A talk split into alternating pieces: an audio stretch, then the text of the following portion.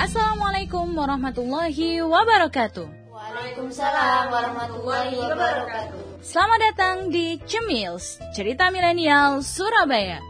Sebuah program baru yang menemani aku, kamu, dan kita semua untuk saling berbagi cerita yang kita alami dan kita akan cari solusinya dengan sudut pandang yang khas, yaitu sudut pandang seorang muslim. Saya sapa dulu nih.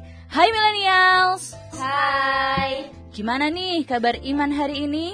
Alhamdulillah. Semoga kita semua tetap dalam keadaan iman yang utuh ya sobat. Ya, saya tidak sendirian di sini karena saya ditemani bersama Marisa. ada Kak Mariam, Kak Rizky, dan juga saya Hamidah. Kita sudah menerima nih cerita yang menarik dari salah satu sobat milenial Surabaya. Langsung aja yuk kita simak bersama-sama. Check it out. Kak, kenapa sih kita itu sebagai wanita udah sekolah tinggi-tinggi, tapi ujung-ujungnya cuma di rumah jadi ibu rumah tangga? Kenapa sih kok wanita seperti dianggap rendah dibandingkan dengan laki-laki? Bener nggak sih eh, kalau wanita itu harus setara dengan laki-laki? Oke, ya cerita yang sangat luar biasa sekali ya. Apalagi mengingat kita sekarang ada di bulan Maret, yaitu bulannya perempuan kalau dibilang ya. 8 Maret kemarin kita ada yang namanya Women March, betul? Ya, kira-kira nih eh, kakak Mariam dulu. Menurut kak Mariam, gimana sih pendapat kakak tentang pertanyaan dari follower kita tadi kak? Oke Mbak Amida, kalau kita lihat sekarang kan yang dianggap miskin itu kan perempuan sehingga dia harus bekerja. Terus yang dilecehkan juga kaum perempuan. Kayaknya wanita itu kan selalu salah dan sengsara gitu ya. Sampai tahun 80-an itu ada sebuah lagu mengenai perempuan yaitu e, kalau nggak salah liriknya begini. Wanita dijajah pria sejak dulu. Waduh, 80-an itu ya? Iya. Belum lahir nih mbak, mbak. Oke, ya memang itu tahun-tahun zaman dulu itu sudah kayaknya sudah mulai muncul stigma-stigma seperti itu gitu ya.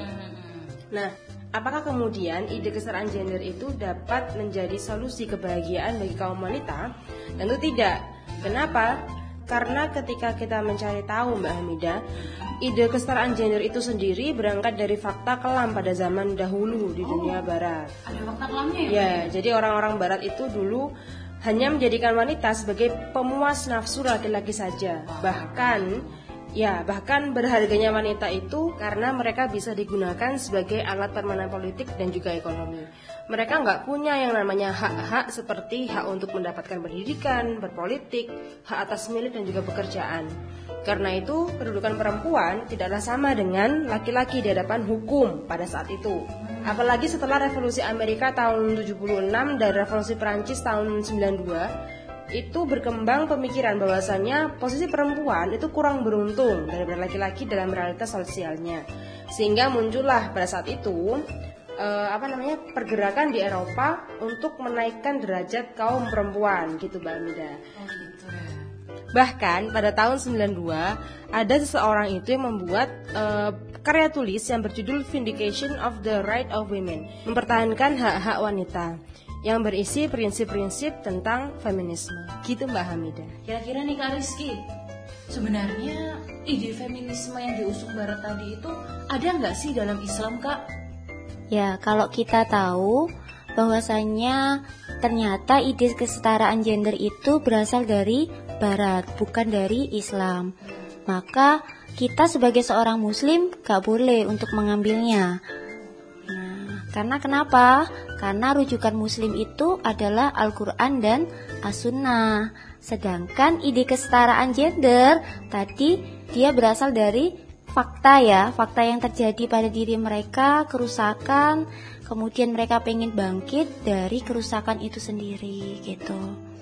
Yang mana juga ternyata ide kesetaraan gender solusinya adalah justru malah menjauhkan manusia dari sang pencipta gitu. Nah, ketika manusia itu jauh dari sang pencipta, justru malah manusia akan rusak gitu. Masyarakat akan rusak. Dan juga secara fitrahnya manusia itu punya naluri beragama dan naluri beragama e, manusia butuh sama Allah dan Allah itu adalah al-khaliq dan al-mudabbir.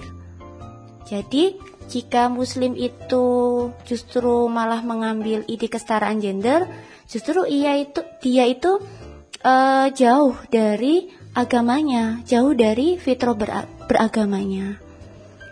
Emang sebenarnya nih kak, perempuan itu fitrahnya apa sih dalam Islam kak? Kan tadi harus sesuai dengan fitrah beragamanya. So perempuan dan laki-laki pasti fitrahnya berbeda. Nah ini bedanya di mana ya kak ya?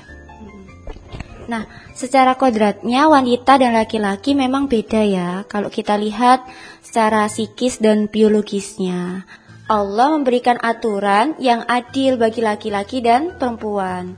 Nah, adil itu dalam Islam bukan berarti sama, tapi menempatkan sesuatu pada tempatnya dan memberikan hak pada yang berhak menerimanya.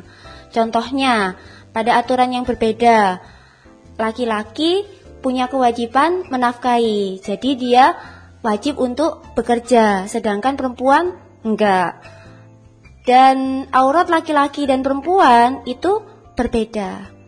Nah, pada aturan yang sama, laki-laki dan perempuan sama-sama diwajibkan untuk sholat, puasa, zakat, terus berdakwah, dan juga baik pada tetangga. Jadi, dari sini, Muslim gak butuh ide kesetaraan gender. Kita cukup pakai aturan Islam aja. Gitu, Mbak.